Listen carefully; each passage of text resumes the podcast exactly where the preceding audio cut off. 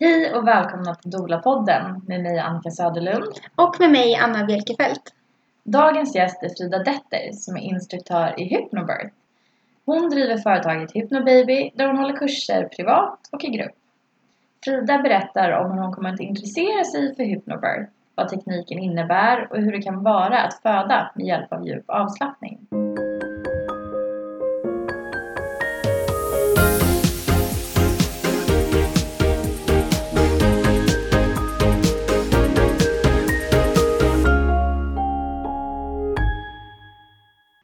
Frida! Vad Hej. roligt att du är här! Jättekul att vara här. Berätta, vem är du? Ja, var ska man börja? Jag är ju en nyanländ kan man säga i Stockholm. Jag har bott i London i 20 år. Och där har jag fött mitt första barn och sen har jag flyttat hit till Stockholm och bott mitt fjärde år nu i Stockholm. Vad sysslar du med? Vad är din Eh, sysselsättning? jag är då fulltidsanställd på en reklambyrå eh, och ehm, driver reklamkampanjer. Och sen på sidan om så har jag startat eh, Hypnobaby. Och då ehm, innebär det att jag har på helger så har jag helgworkshops eller kurser för blivande föräldrar. Eh, där vi går in på mental förberedning inför födelsen.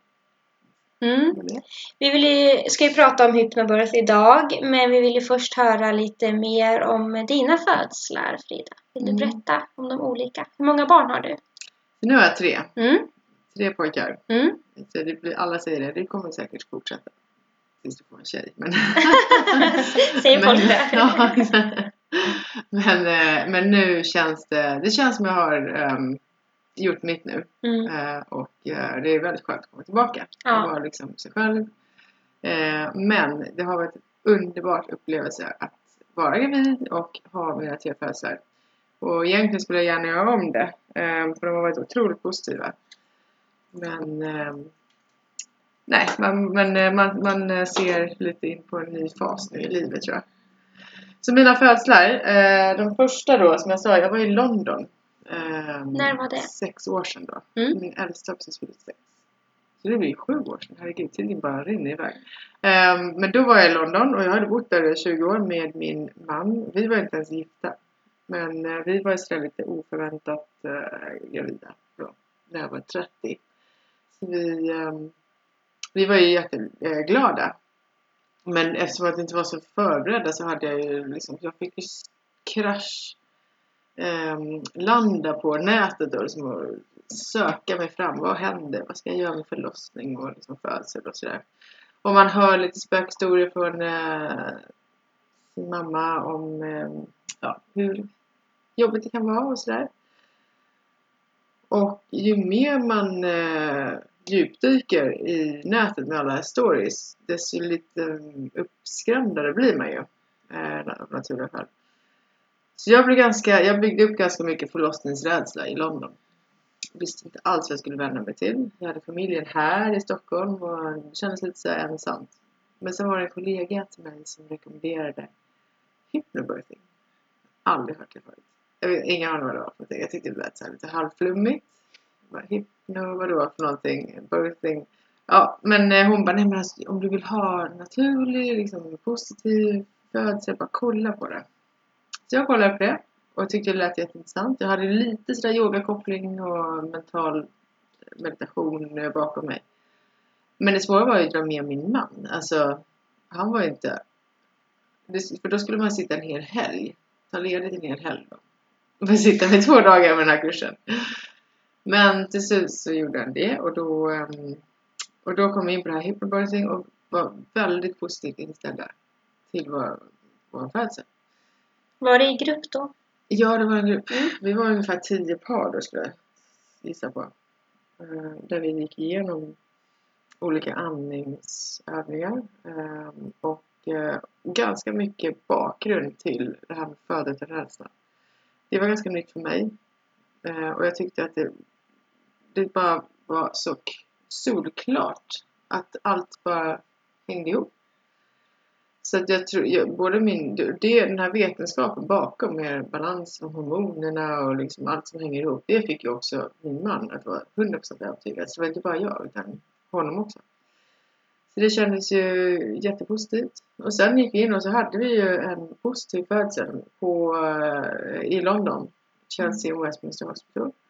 Och då hade de en underbar sån här birth unit. De har lite annorlunda upplagt där i London än vad vi har i Sverige. Mm. Så man får göra ett aktivt val innan man ska in på sjukhuset. Are you going to have a natural birth or a assisted birth? Lite sådär. Ja men eh, jag ska försöka få en, en, en ouppkopplad birth heter det då. Så att man inte är liksom uppkopplad på maskiner av olika anledningar. Så man behöver eh, man försöker klara sig själv. Eh, och då hamnar man på en birth unit. Annars så hamnar man på en annan del av sjukhuset och det är då medicinska delen. Eh, nej men det kändes eh, det kändes jättebra. Jag menar, vi hade Odin då första. Eh, väldigt smidigt och lugnt. Och hans hjärtslag var ju lugna hela födseln. Och det var den mest fantastiska upplevelsen någonsin, om man säger så. Så jag fick verkligen använda då det här med hypnobirthing. Eh, vi, eh, jag, jag andades och höll mig väldigt lugn. Så man får ju många sådana här kommentarer. Oj, vad ni håller lugna. Det var ju till och med en barnmorska som ville att vi skulle gå hem för att det var för lugn. Så det har ju Mm. hänt någon. Hon trodde inte att du var i aktiv förlossning. Nej. No, no, you should be shouting at me, you should be swearing at me. Och det var så här, nej, men alltså, min man försökte ju övertala. Nej, men det är så, så är det. Hon försöker andas och liksom meditera. Så det var ju lite svårt, Mm. kanske i vissa fall, att övertala dem att eh, nej, jag verkar, det, det är på gång. Du banade väg för många andra där, tänker jag. Ja, men däremot så är det ju en stor grej faktiskt i London. Det har blivit otroligt mycket större nu på de senaste åren, har jag märkt. Eh, speciellt nu, hjälper ju med Meghan Markle och Kate Middleton, alla de är inne på hypnobirthing också. Eh, Ja. Alla de här kändisarna. Så det har ju verkligen gjort att det har exploderat. Mm. Och det här med hemmafödslar, det blir ju mer och mer populärt nu. Mm. Eh, Blev förlossningen som du hade tänkt? Mm. Alltså det är svårt det där. Vad hade man tänkt egentligen? Mm. Alltså det är ju de här förväntningarna med första tycker jag är För det sitter jag ju nu också med eh, olika par och försöker att på så realistiskt sätt som möjligt förklara vad det är för någonting och hur det känns. Det ju, jag brukar säga det, det, det är en otrolig mix av olika känslor på en och samma gång. Mm. Det är så svårt att definiera liksom, vad är det man känner. Ja, jag vet inte. Det är, det är lite rädsla, man är nervös, man är orolig, man är så otroligt glad och liksom är statisk att snart kommer en bebis. Alltså, det är väldigt ehm, ja, det är väldigt eh, annorlunda erfarenhet på det sättet. Men såklart, de här trycken ehm, som man känner är ju helt hanterbara om man lyckas känna att man har kontroll över det. Mm. Tycker jag. Eh, Så det, det, det var ju en positiv eh, positiv, vad säger man, förväntning som faktiskt blev av. Mm. Och din andra födsel, när, när hände den? Så då, var det, då hade jag kommit till Stockholm Mm. och då var det lite sådär, ja men eh, nu ska vi försöka använda hypnobirthing i Stockholm och det var ju lite annorlunda, det var inte lika känt. Eh, alltså då fick jag ju djupdyka igen på nätet och försöka leta efter hur mottagliga är de här på sjukhusen för just det här med hypnos och hypnobirthing meditation. Och då stötte jag på Hypnobirthing Stockholm och började prata med dem för att få skapa en uppfattning. Eh, men eh, jag valde att föda på Gud Sofia. För de kändes att de var mest eh, nej, men inne på det här med föda rädsla. De hade otroligt bra barnmorskor och mycket bra skrivet om dem och sådär. Och då tyckte jag att det var bra i stort sett men det var inte likadant som första. Tycker jag. De skulle lägga sig i lite mer om man Mm. får vara uppriktig. eh, Mm. Med olika saker här. Och det är ju, jag menar, de, det är klart de har en historia, BB Sofia, som kanske gjort dem lite extra nervösa. Att eh, de måste ha en policy att de måste sitta uppkopplade och kolla hjärtslagen i 20 minuter eller en halvtimme eller vad det var för någonting.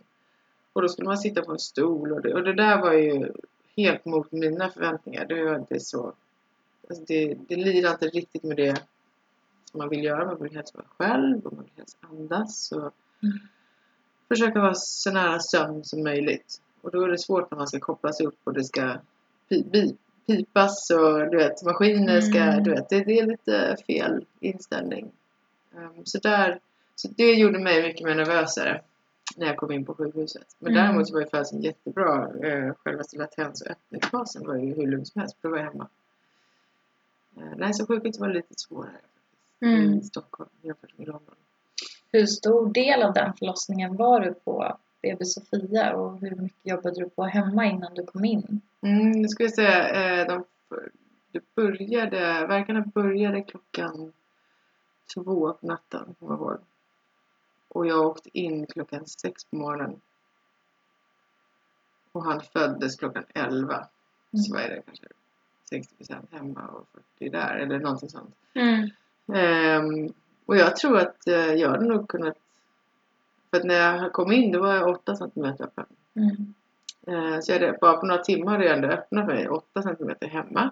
Så det var någonting där som fick mig att stanna upp, tror jag. Absolut. Mm. Eh, Med själva processen. Hela den här uppkopplingen och skulle man i ett bad som inte riktigt var jätteskönt för det var så här, det ganska stelt bad. Alltså det är ju ett badkar Mm.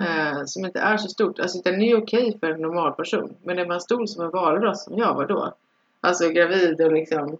Då får man inte riktigt plats Nej. så bra. Och jag kände bara att man kunde liksom inte vända sig. Ehm, Nej, för det var inga birth pools som de hade där. Nej, utan de de hade har sådana det. små mini-jacuzzi kan man säga. det. Mm. Så nu i och för sig blev Sofia inte aktuellt längre. Men eh, jag, har ju, jag är väldigt intresserad av att höra hur, hur de hur, de, hur mottagliga de är om man skulle hyra en pool och liksom ta med sig det in på sjukhuset. Mm. På två eller tre kliniker i Stockholm så har de sådana här birth pools nu. Eh, det är det? är BB Stockholm och Huddinge och eh, jag tror Södertälje, nu vågar jag inte säga. Men Mm. de första två vet jag Mm. säkert. Mm. Eh, så det är fantastiskt. Det är Jättebra. stora Ja, framsteg. Jättestora framsteg. Mm. Bara på det här året. Va? Ja, För det, ja, det är ganska mycket. och eh, vi har ju en som vi hyr ut och får man godkänt då från chefsbarnmorskan så kan man ta med en egen pool. Då. Ja, man får det. Det var bra. Har ni gjort det också med några som ni har varit med? Eh, jag har varit med på två vattenfödslar och de två har varit i förlossningspoolen som finns på BB Stockholm. Är det sådana uppblåsbara då? Typ, Ja, eller? precis. En sån birth pool in a box. Mm. Ja, men det funkar för mig också. Jag var ju tvungen att hoppa ut i poolen i, eh, på BB Sofia. Så han föddes ju inte i vattnet. Nej. Utan han föddes ju då att jag fick huka mig ner liksom. Eh, Så Mm. föddes han på golvet antar jag. Mm. Hade du velat vara kvar i vattnet? Absolut. Ja. Mm. Men de eh, ville ju verkligen att jag skulle komma ut. Ja. av olika anledningar. Eh, och lyckades övertala min man att han skulle övertala mig då. Så var det. Och, för det tog ju för lång tid, tyckte de, Mm. enligt deras klockor. Mm.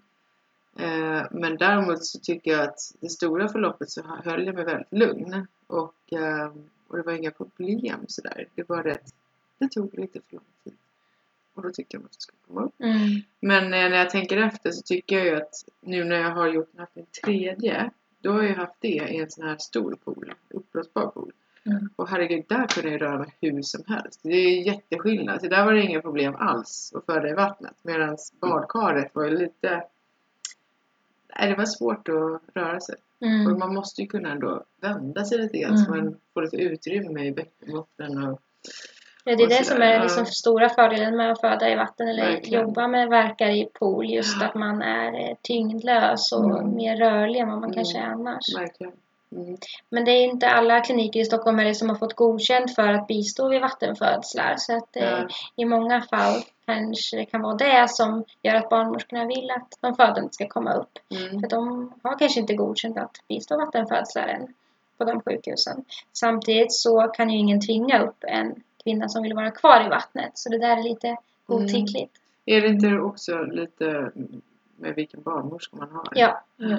Och man kanske inte heller vill föda i vatten om man inte har en barnmorska som är väldigt trygg Mm. med den Mm. typen av förlossning eftersom det kan ju också smitta av sig. Barnmorskans eh, liksom, Oro. självförtroende där. Ja, Ja, precis. Nej, men verkligen. Men då kan man ju fråga, be om en annan barnmorska. Ja. Mm. Eh, nu när man vet mer. Mm. Hade man kunnat göra det. Mm. Det är också en bra grej att skriva i sitt förlossningsbrev om man önskar att föda i vatten. Mm. Att det står formulerat där också. Mm. Mm. Mm. Ja. Eh, och den tredje födseln, vad tänkte ni inför den? ja, då var det då hade jag blivit lite mer eller, erfaren. Eh, nu hade jag fött ett engelskt sjukhus och ett svenskt sjukhus. Så jag tänkte, då förstod jag att det var ju jätteskillnad på födelseplatsen. Eh, så jag ville inte föda på sjukhus. Det hade jag bestämt. Och då tog jag ju kontakt med Ann Petrén, eh, hembarnmorska. Ja, precis. Egenbarnmorska.se. Just det, Mm. precis. Eh, och, och hon var ju väldigt lugnande. och då får man ju två barnmorskor med sig hem. Så hon har ju, så vi träffar ju henne på förhand. Lite som ni gör antar jag, liksom med doula. Man har förmöte. Och då är det Precis. verkligen sådär skräddarsytt till ens egen behov, vad man vill och vad man inte vill. Och det känns ju fantastiskt skönt att bara träffa den människan som jag var med. Mm. Vilken skillnad det gör. Ehm, ja, och då, då bestämde vi oss ganska snabbt att vi ska ha hemmafödsel och vi bestämde plats. Hon kom ju dit och liksom tittade i hemmet och, och, då, och sen ger hon ju en pool som hon kör förbi två, tre veckor innan beräknat datum. Och då var det ju, ja alltså helst, jag hade ju helst velat ha en längre födsel faktiskt för att den gick ju väldigt snabbt. vi började klockan, eh, nu ska jag få det rätt, vi började klockan tio på kvällen. Då var vi klara för att gå och lägga oss. Och sen vaknade jag klockan halv elva eller någonting. Nej, nu har det satt igång. Så min man hade precis somnat. Det var ju lite sådär åh nej, redan.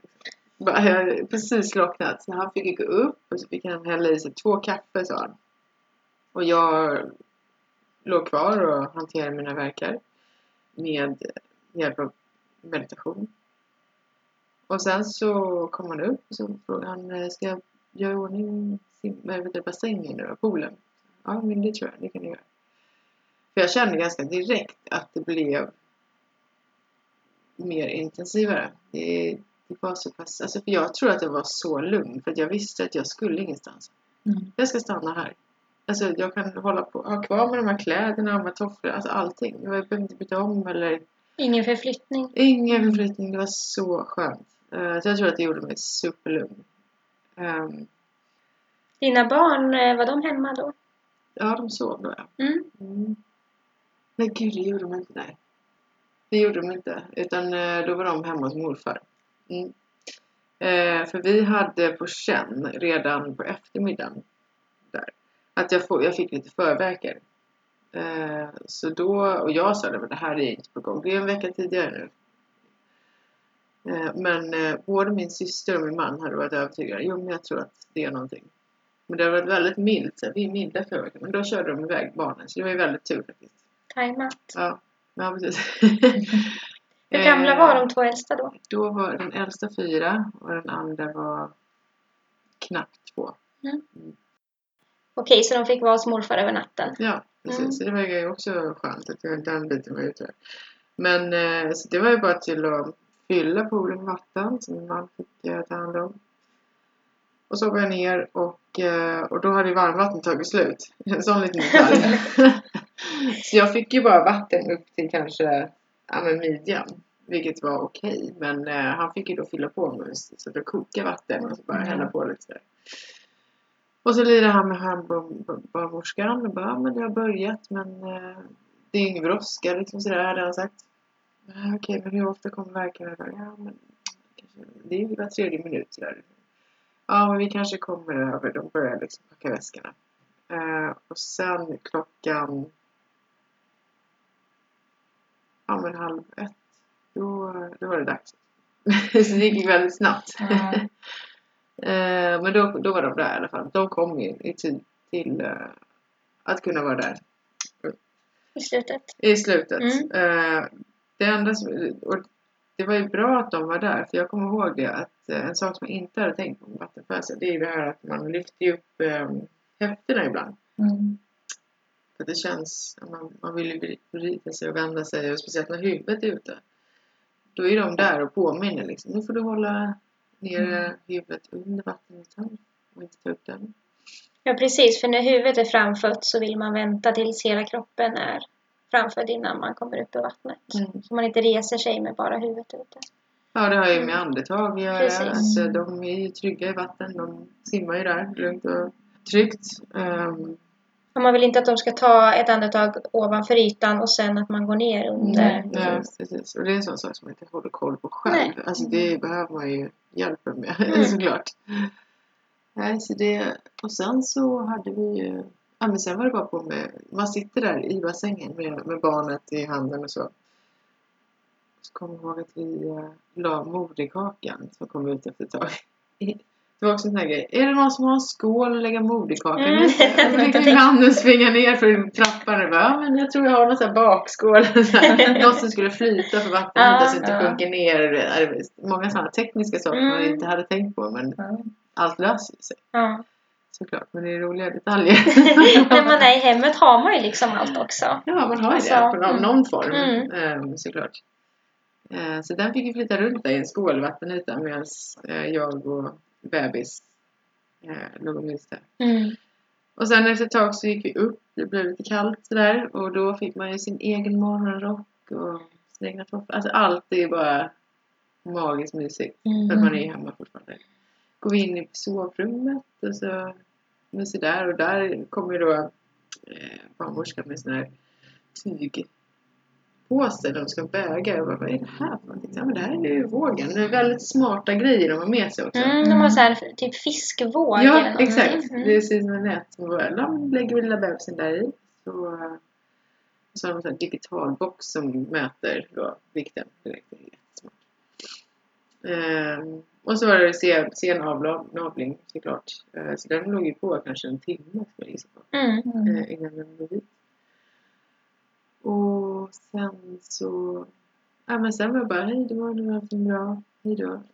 Kontrollerar de bristning, eventuell bristning och så? Ja, men jag har inte haft det för några av mina födelser. Nej. Och det är just för att vi, jag försöker ju andas eh, Mm. ner barnet.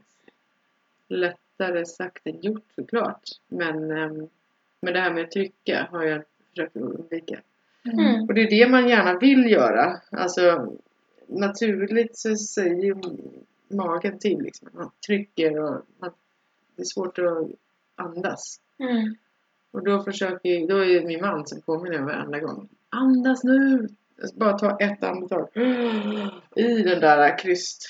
Det är, det är utmanande men, men det får ju man ändå att man slappnar av i underlivet. Och jag tror väl att det är väl det som har räddat mig. Mm. Mycket. Så, det, så det var ju klart man är lite ja, sådär efteråt men, ehm, men en dusch, varm dusch och sen gick vi och la oss och så. Han sov i fem timmar sträck direkt. Liksom. Det var också så skönt. Mm. Och sen nästa morgon var det som vanligt dag. Då Mm. kommer mormor och morfar över till huset. Och så Storebrorsorna. storebrorsorna, exakt. Mm. Och då är det så här, tillbaka till vanliga livet väldigt fort. Alltså. Eh, Och det är också en väldigt bisarr känsla. Jag har precis fått en bebis här i den här sängen. så kommer alla kommer att bombardera en direkt efter. Men det är ju många som har eh, hemmafödslar och då har de ju syskonen runt omkring sig Ja. och liksom massa folk och sådär. Men vi, vi kände det att de var ganska små. Alltså den minsta var inte ens två ännu. Så han hade nog inte kunnat riktigt kontrollera. Alltså han skulle hoppa i eller hoppa på. Ehm, så vi valde att hålla dem borta. Mm. Mm. Vad är då hypnobirth? Vill du berätta lite mer om vad det innebär? Mm. Eh, jag skulle säga att um, i stort sett är det väl eh, det är en avslappningsmetod. Eh, och det är ju eh, det som man vill helst göra när man ska föda barn. Det är att vi vill framkalla våra naturliga hormoner och oxytocinet. Och det är inte världens enklaste grej för alla. Jag menar alla kvinnor är helt olika. Eh, och eh, det finns många som älskar att sjunga eller älskar att dansa och det är det som framkallar deras oxytocin eller mår bra hormoner och. Och det är jättehäftigt. Man har ju sett det i en massa videos här på jättekola födslar verkligen. Mm. De rör sig och det är spinning baby och alltså alla möjliga grejer. Men just hypnobirthing, det är ju en slags avslappningsmetod som gör att du tränar dig på att kunna gå ner i en så pass djup avslappning. Så att du befinner dig i ett tillstånd som är så pass avslappnat att du naturligt frisläpper de här hormonerna i jättestora doser. Så det är inte bara oxytocinet men det är också endorfinerna eh, som kommer fram och de eh, har ju också en smärtlindrande effekt i kroppen. Så det är, det, det är det som det vill uppnå med andra ord. Och sen är det så här, vad är hypnosen?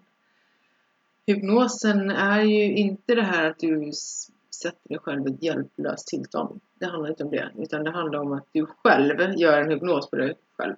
Eh, Mediterar eh, och eh, lyssnar på ljudfiler. Eller du kan ju också befinna dig i hypnos när du läser en bok eller tittar på film. Det finns massa olika typer av hypnoser. Ehm, så hypnos, alltså det är ju faktiskt fel ord egentligen. Det, det Mm. finns ju ett nytt ord som är monodeism då som, är, som betyder att hjärnan är begränsad till en idé. Så det är lite det vi är inne på, att vi försöker att sluta av hela omvärlden Mm. för att vi ska gå inåt istället. Mm. Och liksom inåt menar jag ju det här med att vi använder oss av våra naturliga instinkter. De här djuriska instinkterna. Som finns i vårt undermedvetna. Så för, för att vi ska kunna då stänga av den här vänstra delen av hjärnan. Den här aktiva och logiska delen som alltid tänker på Åh, vad ska vi äta middag och vad är vi oroliga över och vad ska vi tänka på nu och lalala. Den ska vi liksom stänga av. Mm. För att vi ska gå helt in på den här högra delen. Och det är den delen som vi, som vi vill framkalla. Och den har ju den här eh, djuriska instinkterna. Eh, barnafödande. Och då, lyckas vi göra det, då låter vi kroppen göra allting av sig själv.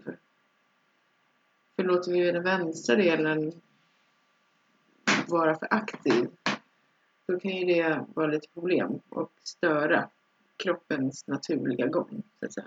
så det är det vi försöker undvika. Ja, det var en liten snabb summering av hypnobirth. Mm. Är hypnobirth för alla? Det tycker jag. Mm. Mm, egentligen. Mm. Även om inte alla kanske är öppna för det. Ehm, det är lite som är yoga för alla. Svårt att säga. Alltså jag tycker att alla ska kunna göra yoga. Uh, rörelsen är ju anpassade för alla kroppar. Och sen är det ju upp för hur man, hur, vilken nivå man tar det på. Men jag tycker att det är för alla. Ehm, och det är just det som är fördelen med hypnobirthing eller meditation. Jämfört med om man har ett självsäkert sätt att liksom framkalla. Man vet att man framkallar oxytocinen med att sjunga eller dansa eller någonting. Det är jättebra också. Men som sagt, alla kan inte det. Alla tycker inte om det. Så, så därför är det här bra. Mm. Eh, Alla kan göra det. Och bara träna. Men hur går man tillväga om man vill använda sig av hypnobirth? Om man är gravid och lyssnar och så Mm. tänker man så här, hmm, det där låter intressant. Hur, Mm. hur gör man? Ja men alltså eh, hypnobirthing finns ju eh, i hela världen nästan skulle jag säga. Det, det är de största länderna i Storbritannien och USA. Nya Zeeland och Australien. Och då tycker jag man kan ju gå och kika lite på det. Läsa lite, se om det är någonting för dig.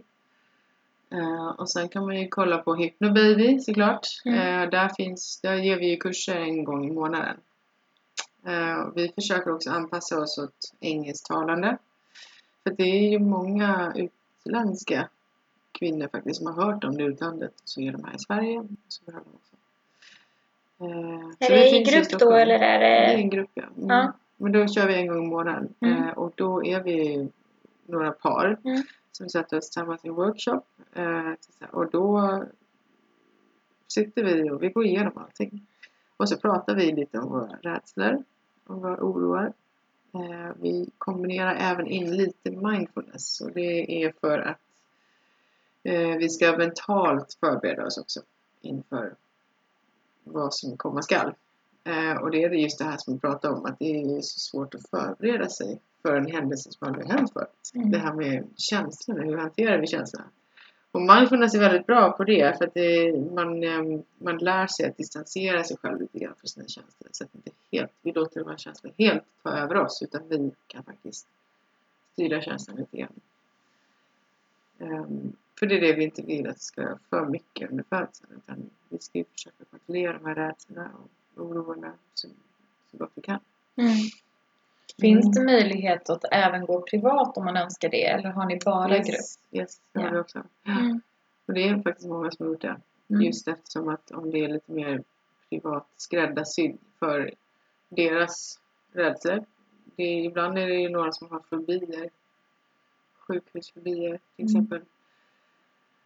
Eh, så det, mm, det är lite individuellt faktiskt. För spontant tänker jag så här, ja men de som vill använda hypnobirth, de är kanske eh, jobb, liksom hållit på med yoga eller meditation och Mm. eh, för liksom fysiologiskt naturlig förlossning. Men Mm. jag tänker att de som kanske lite mer använder den vänstra hjärnhalvan och är väldigt logiska och planerar och förbereder sig eh, kanske skulle behöva det allra mest. gud ja. Och det har vi jättemånga Mm. faktiskt. Mm. Eh, jag kan kalla eh, om man säger kontrollbehov. Mm. Det har ju jättemånga tjejer. Mm. Alltså jag har det själv ibland. Liksom jag, kommer, jag känner igen mig själv så ofta i Mm. många kvinnor. Liksom. Så man vet vad man pratar om. Ehm, och jag tror att det var ju därför jag behövde det mer.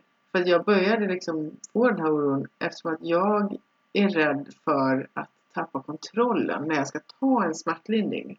Mm. Jag har ingen aning om hur jag har reagerat till epiduralen eller till lustgasen eller allt det här. Och, och, så det var, ju lite, det var ju lite det kanske som styrde det här tror jag. Mm. Eh, och många känner ju likadant att de är rädda för att tappa kontrollen. Mm. Dels att läkarna ska ta över kanske. Tappa kontrollen på den sidan. Och dels med smärtlindringen. Och dels med att ja, men, kroppen liksom, att de inte hänger med vad som händer. Det kan vara ganska läskigt. Ja, jag tror Mm. mycket på det här med liksom att den födande också ska eh, känna att det är ju den födande som ska föda barnet. Att Ja. man inte liksom lägger över på någon annan. Att man Nej. kanske kommer in till sjukhuset eller träffar sin barnmorska eller vad det nu kan vara. Ja, men att man förlitar sig på någon Mm. annan ska sköta jobbet. Då är det ju... Ja. Det här är ju ett sätt att ta lite kontroll Mm. över det som man faktiskt kan kontrollera. Precis. Mm. Verkligen. Nej, så jag tycker um, det, det är ju mer och mer känt nu tycker jag. Mm. I Sverige. Det börjar liksom vända om på eh, många positiva sätt. Och jag tycker att det är mycket, den här grunden är ju den här förutan rädsla som ni är inne på. Mm. Eh, och sen är ju många sjukhus som experimenterar det här med att ha samma barnmorska är ju också jätte, samma person. Mm, precis, Eh, caseload-projekt. Mm. Precis. Det är också jätteintressant. Mm. Eh, Så jag tycker det ser ju positivt ut. Det börjar se ljust ut nu. Mm. Eh, Men de här ljudfilerna som du berättade om, vad, Mm. vad är det för ljudfiler och vad? Det är um, hypnosfiler. Mm. Eh, de är skrivna, det är liksom en, en guidad röst som hjälper dig att tänka på positiva tankar.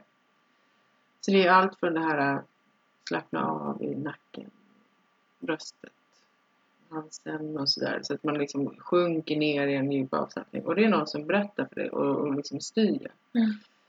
Och sen så ger den eh, lite visualiseringar. Så att den hjälper dig igenom de här eh, sammandragningarna. Så att när du får, känner en sammandragning så känner du en våg som sköljer med dig. Um, allt från vågor till att man är ute på en strand eller din favoritplats. Och sen bygger vi upp också nästan som en, eh, en favoritplats där du ja, men det var du är och du kan visualisera det ganska så starkt efter Mm. att du har tränat flera gånger på raken. Eh, så att du kan hamna där ganska så fort eh, och enkelt. Och i den här platsen, eller på den här platsen, så stänger du ut alla obehag. Så att det är bara positiva saker som händer här. Så du, efter ett tag så hör ju du inte vad som händer utanför. Medvetet. Så. Eh, så det är ju väldigt viktigt med hypnobirthing att parten, eller då om man har en doula, att de är aktiva omkring kvinnan. Mm. För kvinnan ska inte behöva göra någonting mer eller mindre. Utan de ska bara liksom sluta sig in i den här platsen, eller bubblan eller vad man ska. För där kom vi in lite på det vi hade tänkt fråga dig också. Mm. Vad partnern eller stödpersonen har för roll inom Mm. hypnobirth. Mm. Är det liksom, som du säger, de sköter lite kontrollen i rummet kanske för att kvinnan ska kunna gå in i sig själv. Ja. Men även under förberedelserna så. Vad har partnern eller stödpersonen för roll där? Du menar förberedelsen eh, flera dagar innan födseln eller förberedelsen Ja men precis, Så. alltså Inför förlossningen. inför förlossningen. Precis. Nej, Jag skulle säga alltså deras roll är ju faktiskt den vänstra delen av hjärnan om man säger så. Alltså de ska ju vara den här logiska och, och stödja. Eh, men de är även mentalt stöd Mm. eh, på många sätt. Så för att svara på din fråga, jag skulle säga på plats under födseln, då är de språkrör bland Mm. annat. Så de eh, pratar ju med barnmorskorna, läkarna eller vem det nu är som kommer in i rummet. Eh, se till att du får ett rum och registreras och allt sådär. Eh, de, sen är det då, om, om, de pratar med partnern, då är det partnern sen som förmedlar till födande kvinnan, till mamman. Så att mamman får en röst som är bekant hela tiden. Utan den ska inte hålla på och switcha mellan olika människor och röster och så. Och det är väl lite samma idé som dolar bygger på också. Att vi vill ha den här igenkänningen, att det inte ska vara nya barnmorskor. De byter ju skift och beroende på längden på födseln och sådär. Så, att, ehm, så det är lite tanken. Och då, sen har ju de också förberedande, då har ju de förberett olika tekniker, olika verktyg för att kunna lugna mamman. Mm. Ehm, De ska också kunna känna igen när mamman liksom kommer ur sin meditation eller avslappning. Då har de lite tricks ehm, för att kunna få ner henne igen i den här avslappnande, eller in i bubblan igen. Det är det man pratar lite om, det här med ankare som man pratar Just om det. också. Just det. Så ankare är ju en, eh, en förstärkelse av en känsla. Och Då är det ju om, om det till exempel en doft kan ju vara en ankare. När man kommer ihåg någonting från barndomen eller någon speciell plats. Men det kan ju också vara en berörning som vi brukar trä- träna på. Och då är den berörningen också något som de tränar på inför födseln. Så att sen kommer ju mamma känna igen den. Aha, det här är ju min partners berörning. Den känner jag igen. Och det är liksom en må bra förstärkningskänsla. Liksom. Det är så bra det där tänkt att, liksom, att en del grejer kan gå igenom partner eller doula. så att man liksom Mm, kan välja ut lite mycket information behöver kvinnan verkligen av det här Mm, just nu. Man kan sålla lite. Mm. Nej, eh, jag har ju många gånger också refererat vidare par till eh, doula-gruppen eftersom att eh, ibland kan det hända att partnern känner sig nervös. Eh, det är ett jättejobb och liksom, alltså när det är första gången. För jag försöker ju säga det att även om du inte är lugn så ska du försöka agera lugn för, för mammans själ. Eh, för att det är mycket som speglar sig från om du inte känner dig lugn eller verkar lugn. Då speglar det direkt på mamman. Eh, hon känner din oro och sådär. Så det är ju ganska viktigt att man får den här tryggheten från Mm. en person. Vem det nu är. Eh, så ibland är det så här, men jag tror inte att jag kan göra det. Eh, att vara lugn. Så då brukar de oftast vilja ha någon som Mm. representerar den där tryggheten. Mm. Om, ja, så det, det, det tror jag jättemycket på. Uh, att man kan försöka dela upp ansvaren där mellan då partnern och dolan. Det har vi pratat om innan ju. Mm. Um, att det känns som att det, ja, det är väldigt individuellt. Det löser man ju av säkert på paret Absolut. ofta. Mm. Eh, när i, om man nu vill föda med hypnobirth, Mm. eh, när i, under graviditeten rekommenderar du att man börjar öva? Gå kursen och... Mm, jag bruk- brukar säga efter vecka 20. Men gärna innan vecka 30-32. Ja. Så man får några veckor på sig innan beräknat datum att öva. Ja. Hur mycket behöver man öva? Eh, man säga? Jag skulle rekommendera att det räcker kanske två, tre gånger i veckan. Mm. Så, och då kommer man in i det. Alltså, Man, alltså det man brukar göra, man kan göra det på vägen in till jobbet. Alltså försöka, eller man gör det när man kommer hem. Man lägger sig i soffan eller sängen och slappnar av. Det brukar vara ganska vanligt att man somnar då. Ganska lätt. Så många gör det ju när de ska gå och lägga sig också. Mm. Så det är en sån grej som är ganska enkel ändå att få in Mm. i sin vardag. Det är inte så utmanande. Och då är det att man lyssnar på de här ljudfilerna till exempel för Mm. att, eh, för att träna på att Precis. slappna av. Ja. Mm. Ja, det, det är den, den bästa träningen. Sen är det också, det är många som föredrar att bli lästa för. Så det, den eh, övningen gör vi också, bara för att testa.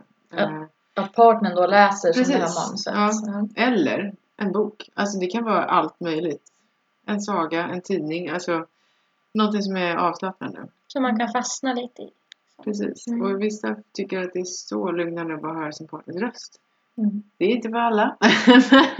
vissa kanske tycker det är jättejobbigt men, eh, men vissa tycker jättemycket om det. Och det är Mm. så här, men bra, då är det till, en till grej som man kan göra. Man kan ju låta fantasin flöda lite också. Man behöver inte vara helt låst på de här ljudfilerna så utan det är ett, ett verktyg utav många. För det tycker jag man märker mycket när man dolar också. Att Mm. många kvinnor vill ju att man upprepar nästan som mantran precis. under varje verk. Mm. Ja. Till exempel ner, Mm. tung Mm. Mm. eller vad det nu kan vara. Mm, jag funderar på att jag ska spela in så här, min röst när jag säger tung. För att jag typ söver alla i rummet. Jag typ, Ibland sitter jag nästan och nickar till själv. För att Ja. man liksom Ja. går in i en så här tung. Ja.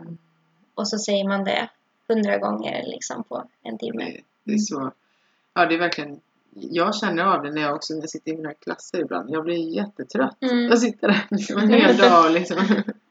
Det är svårt att motstå. Mm. Men det är också det här, de här nya böckerna för barn. Alltså Mm. de här, vad heter det, kaninen som inte ville somna. Mm, det. det bygger ju också på den här Ja. hypnostekniken. Det är ju, alltså kids alla nästan somnar ju efter Mm. typ sida fem eller vad det är för Mm. någonting. Och det är för att de hela tiden använder det här. Du känner att ögonlocken är väldigt tunga nu. Det är, sömn. det är ju det som vi också gör Mm. väldigt mycket. Nu känner du du går ner för en trappa och varje trappsteg du går ner så blir det tyngre och tyngre, Mm. tyngre. Du går djupare och djupare och djupare ner. Det är, det är de liksom orden som vi kör med. Och det har ni också testat. Mm. Häftigt. Ja. Hur vanligt är det att man föder med hypnobirth i Sverige? Har du någon uppfattning om det? Inte ännu.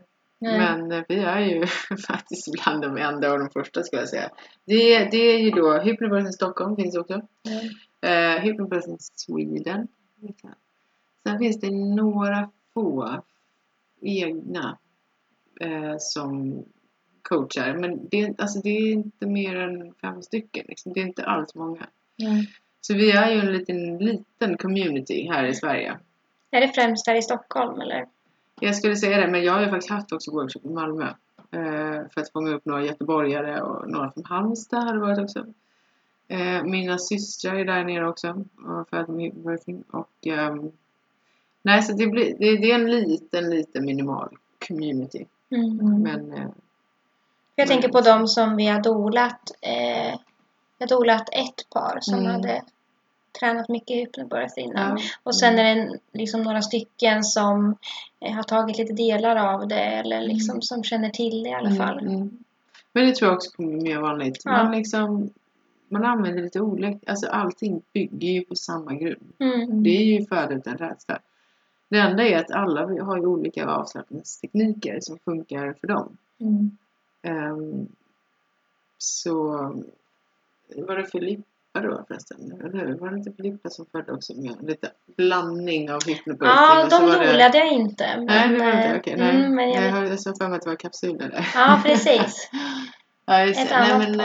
eh, så det tror jag kommer bli mer vanligt. Och sen är det Mm. också mer vanligt nu att man Alltså vi finns ju bara i Stockholm. Mm. Så att folk kommer att ladda ner onlinekurser mer och mer. Och det har jag också blivit ombedd om. Har ni inte kursen online? Det nästa steg kanske. Mm. Men jag tycker ändå att man tappar det här. Det är som att ni skulle ge eran doula doula-service Skype, online. liksom. Mm. Det är inte samma grej. Liksom. Det inte man tappar ju den här kvalitet, momentet. Så Mm. det är ju också lite sådär, mm, kluven vad jag ska göra. Ja, det, just men- eftersom mycket av det handlar ju också om de här hormonerna som vi också Ja, pratar mycket ja. om, hur de samverkar. Att verkligen få känna av det på plats, Mm, att man blir påverkad. Ja, jag tycker också det. Mm. Och sen online kanske det är svårt att skapa samma commitment också, tänker jag, som paret. Att Mm. Det kanske blir att man köper den här onlinekursen Ja. och så tänker man att man ska göra det. Och så sitter man inte båda två och gör det utan man sitter en och en. Eh, Den andra kanske inte kan och, så vidare. Det, man, Mm. man känner ju till det. Man kanske inte vågar göra alla de här övningarna som vi Mm. gör heller. Jag brukar ju oftast skämta om det men liksom det här, nu tvingar jag er att göra det här för det här skulle ni aldrig göra om ni var själva hemma. Mm. Sådana där äh, övningar som är ja, lite utmanande. Det är inte så Mm. alltså man ska titta varandra i ögonen och Länge. Ja, precis. Mm. Det, det gör man inte så ofta. Nej. Så att, ja, men det är väl sådana saker man tappar. Mm. Eh, Men det finns ju. Det är jättemycket online videokurser och Mm. sådär. Så det tror jag att folk också Mm. eh, tar sig åt Mm. och blandar lite. Absolut. Mm. Eh, vi pratade lite om det här namnet, att det heter hypnobirth Ja. eller hypnobirthing. Mm. Eh, och många undrar ju, har det här med vanlig hypnos att göra? Mm. Tror du själv att namnet gör att, kanske avskräcker är fel ord, men att det är Mm. fler som inte vågar titta in på hypnobirth eller lära sig Absolut. mer om det för att man tror att det är, är lite flummigt Ja, eller nej, men absolut, det tror jag. så. Eh, definitivt. Och det har jag också varit kluven om. Eh, vad ska vi kalla det? Med, Vad var det för annat ord som du sa? eh, positive birth, alltså Mm. positiv födsel. Mm. Också, men det, det finns ju såklart. Mm. Eh, och det här med födelsedöda finns ju. Det är inte heller beskrivande av vad det är. Mm.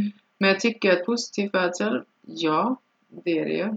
Mm, Men det beskriver inte så mycket av den här just metoden. Nej. Eh, så därför den här metoden, jag tror att har man hört det och går in och googlar, då är det det som fångar upp det. Så det här är ju mer en strategisk, eh, vad ska man säga, marknadsföringsidé eh, idé ändå. Att alla de som har hört om det i utlandet, Mm. de känner ju till hypnobirthing. Så skulle jag helt plötsligt kalla det för positiv birth, då, är det ju, då skulle man ju tappa alla dem Mm. um, som man känner till det och det är synd. Ehm, men det är väl steg två, tror jag, av Hypnobaby. Hur ska man liksom, hur ska man ehm, ja, dela upp det här i olika delar? För att det, vi, vi, vi befinner oss inom flödet av rädsla. Tar man det lite djupare, positiv födsel, lite Mm. djupare, metoden i hypnobirthing, djupare meditation. Så det är många delar som ska liksom knyta upp den här säcken och förklara på bästa Mm. sättet vad det är för någonting. Utan att det ska komma för skeptiskt mot många svenska kvinnor är ju väldigt skeptiska med det här ordet hypnos. Det, det går inte att undankomma. Men lyckas man avdramatisera det här med hypnos Mm. då är det helt plötsligt någonting väldigt intressant. Ja, absolut. Ja, det är inte så här, håll en klocka eller någonting framför dig Nej. som pendlar fram och tillbaka. Nej. Utan liksom, bra att få det lite mer beskrivet vad det faktiskt handlar om. Mm. Att man kan sätta de här kroppsminnena genom att träna avslappning så är det lättare att nå det också Mm. under födseln. Men det är det här som jag sa innan, det här, hjärnan, vi, hjärnan är begränsad till en idé. Mm. Och det, vad, vad det gör är att det stänger ut omvärlden. Mm. Och gör vi det så lyckas vi ju, vi är fortfarande medvetna, vi vet ju fortfarande, vi hör ju allting och vi kan se allting. Det är bara det att vi är så pass djupt avslappnade att vi, och fokuserade att vi lyckas stänga av det som sker omkring oss. Och det är för att det inte ska störa oss. Mm. Ehm, så det, det kan man ju inte göra när man är ute och kör bil såklart. Alltså, det finns ju vissa tillfällen som är bättre för att göra hypnos än andra. Och ja, det handlar inte om att man har en medaljong framför och Nej. liksom försöker göra hypnos på någon annan. Utan det här är ju självhypnos. Man lyssnar, man följer. Och så visualiserar man olika positiva händelser Mm. och tankar. Och med det så lyckas du stänga av den här vänsterdelen. Det som sker utanför. Oro, rädsla och så. så. Det är det enda det är. Och hypnosen, det är, alltså det är en trans som vi befinner oss ganska ofta. Dagligen. Skulle man kunna säga meditativ födsel till exempel? Alltså att det handlar om att klara av att liksom Mm. Ja, djup avslappning, meditation. Det är det, ja. Precis. Och det är därför jag kopplar in meditation. För jag Mm. tycker att det är mycket mer mottagligt med mindfulness nu Mm. i Sverige som är ett väldigt känt begrepp. Ja. Så jag rider ju med där lite och, eh, och jag tycker det är otroligt intress- eh, intressant med mindfulness och Mm. deras tekniker. Så jag, jag kör en liten kombination där Mm. Ja. faktiskt. Ja. Men en liksom praktisk grej under födseln som jag tänkte på. Eh, när kvinnan jobbar med det här, den här meditationen av sig själv. Eh, part, kan partnern ändå vara liksom att göra typ höftpress eller liksom. Eller ska man försöka att inte störa alls? Jag skulle säga, den, oftast är det så, eh, eller av de som jag har hört, jag får ju jättemånga historier nu om deras födelser, det är jättekul som får. Men de flesta är så, jag använder hypnobirthing hela öppningsfasen och då ligger man ofta så vilar i stort sett. Eh, Så då behöver inte partnern göra så mycket. Eh, Om det inte är då att de, de är där och läser eller rör vid och så. Och det är klart att de kan gå upp och röra. Och det säger jag till dem att de ska träna på också Mm. inför.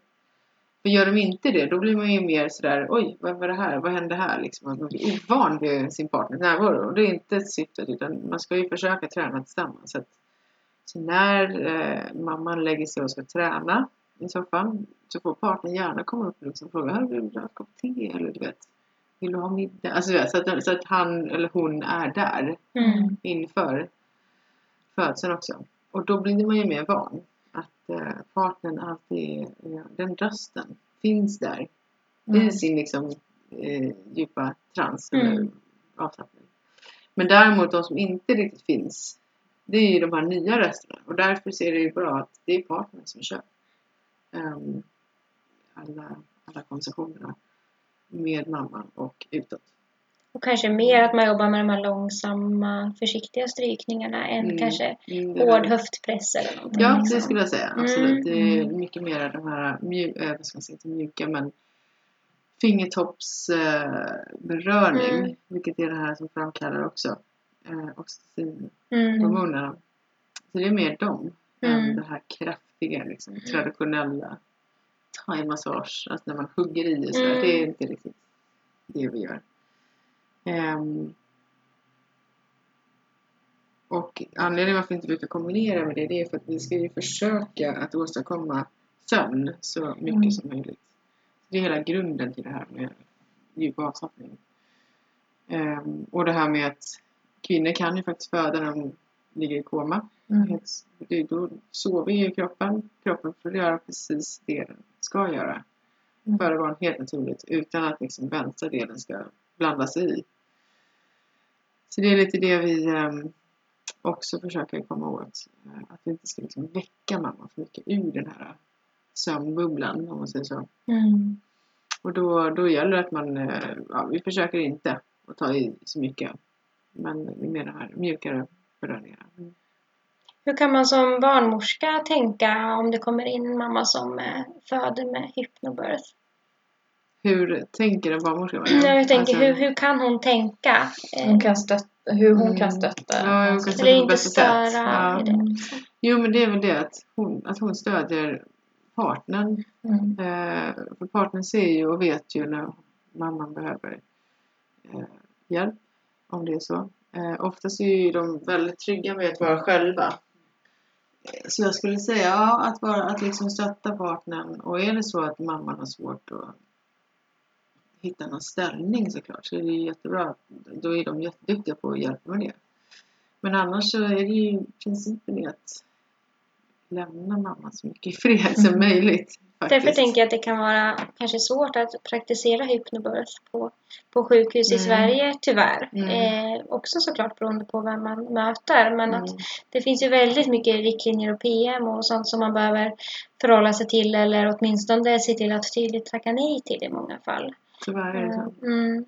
Och jag har fått ehm, två nu av mina par som har råkat ut för att eh, de har ju varit jättelugna, kört hypnobirthing, men sen när man kommit in i passiva fasen, när den har öppnat sig 10 cm, då är det ju ganska känt att man eh, verkarna kan ju stanna upp. Mm. Kroppen tar en paus. Kroppen tar en paus, den Mm. behöver återhämta sig, den ska liksom ta motkrafter inför liksom slutfasen. Det vet ju alla Mm. om. Men det har råkat ut några gånger nu att de eh, får värkstimulerande utan att ens tillfrågade. Eh, och det, det är så hemskt eh, tycker jag. Eh, Mm. För att, och jag vet inte varför de gör det heller. Men, ehm, så det är också en sån sak som är svår att undvika tycker jag. Ehm, just nu det är väldigt mycket nya. Det är därför man också behöver en doula som kan vakta lite Ja, i sådana lägen. Verkligen. Det är som att man har kommit ifrån lite det här med vad det fysiologiska födandet Mm. innebär. Mm. Man har glömt bort nästan att den här pausen är eh, liksom helt naturlig och Mm. det finns en anledning att den kommer. Mm. Och sen är det ju verkligen hemskt att det sätts till exempel verkstimulerande dropp utan att man får information Ja. eller ger samtycke. Det är ju emot eh, patientlagen i allra högsta grad. Men att man eh, inte har tålamod att vänta Mm. eh, den här tiden som kroppen behöver. Mm. Och det är klart att eh, personalen försöker hjälpa eh, mamman. Eh, så att alla är liksom ute efter samma sak. Men det är bara det att det blir ju missförstånd när vi inte är på samma sida med det Ja. här. Det är ju så många olika sätt Mm, att göra det här på. Men nej, så tillbaka till det här. Det är väldigt viktigt att mamma får bli lämnad i fred så mycket som möjligt. Mm. Det är ju syftet. Men självklart behöver de hjälp och liksom stöd så ändras ju det. Mm. Men kan det också liksom, kan man se att ja, men, så få vaginala undersökningar som möjligt Ja, eller liksom alla Mm. sådana grejer också? Det skulle jag också säga. Mm. Eh, vaginala undersökningar är ju mer en bekräftelse eh, sökande behov som kanske mamman kan ha. Ehm, och den kan också uppfattas väldigt fel. Ehm, och det är ingen som gör fel utan det är bara det att det finns väldigt få eh, marginaler som får det att bli rätt. Ehm, och ordet rätt finns inte heller i det här men eh, centimetrarna kan ju variera otroligt mycket beroende på vilken barnmorska som mäter och hej och hå.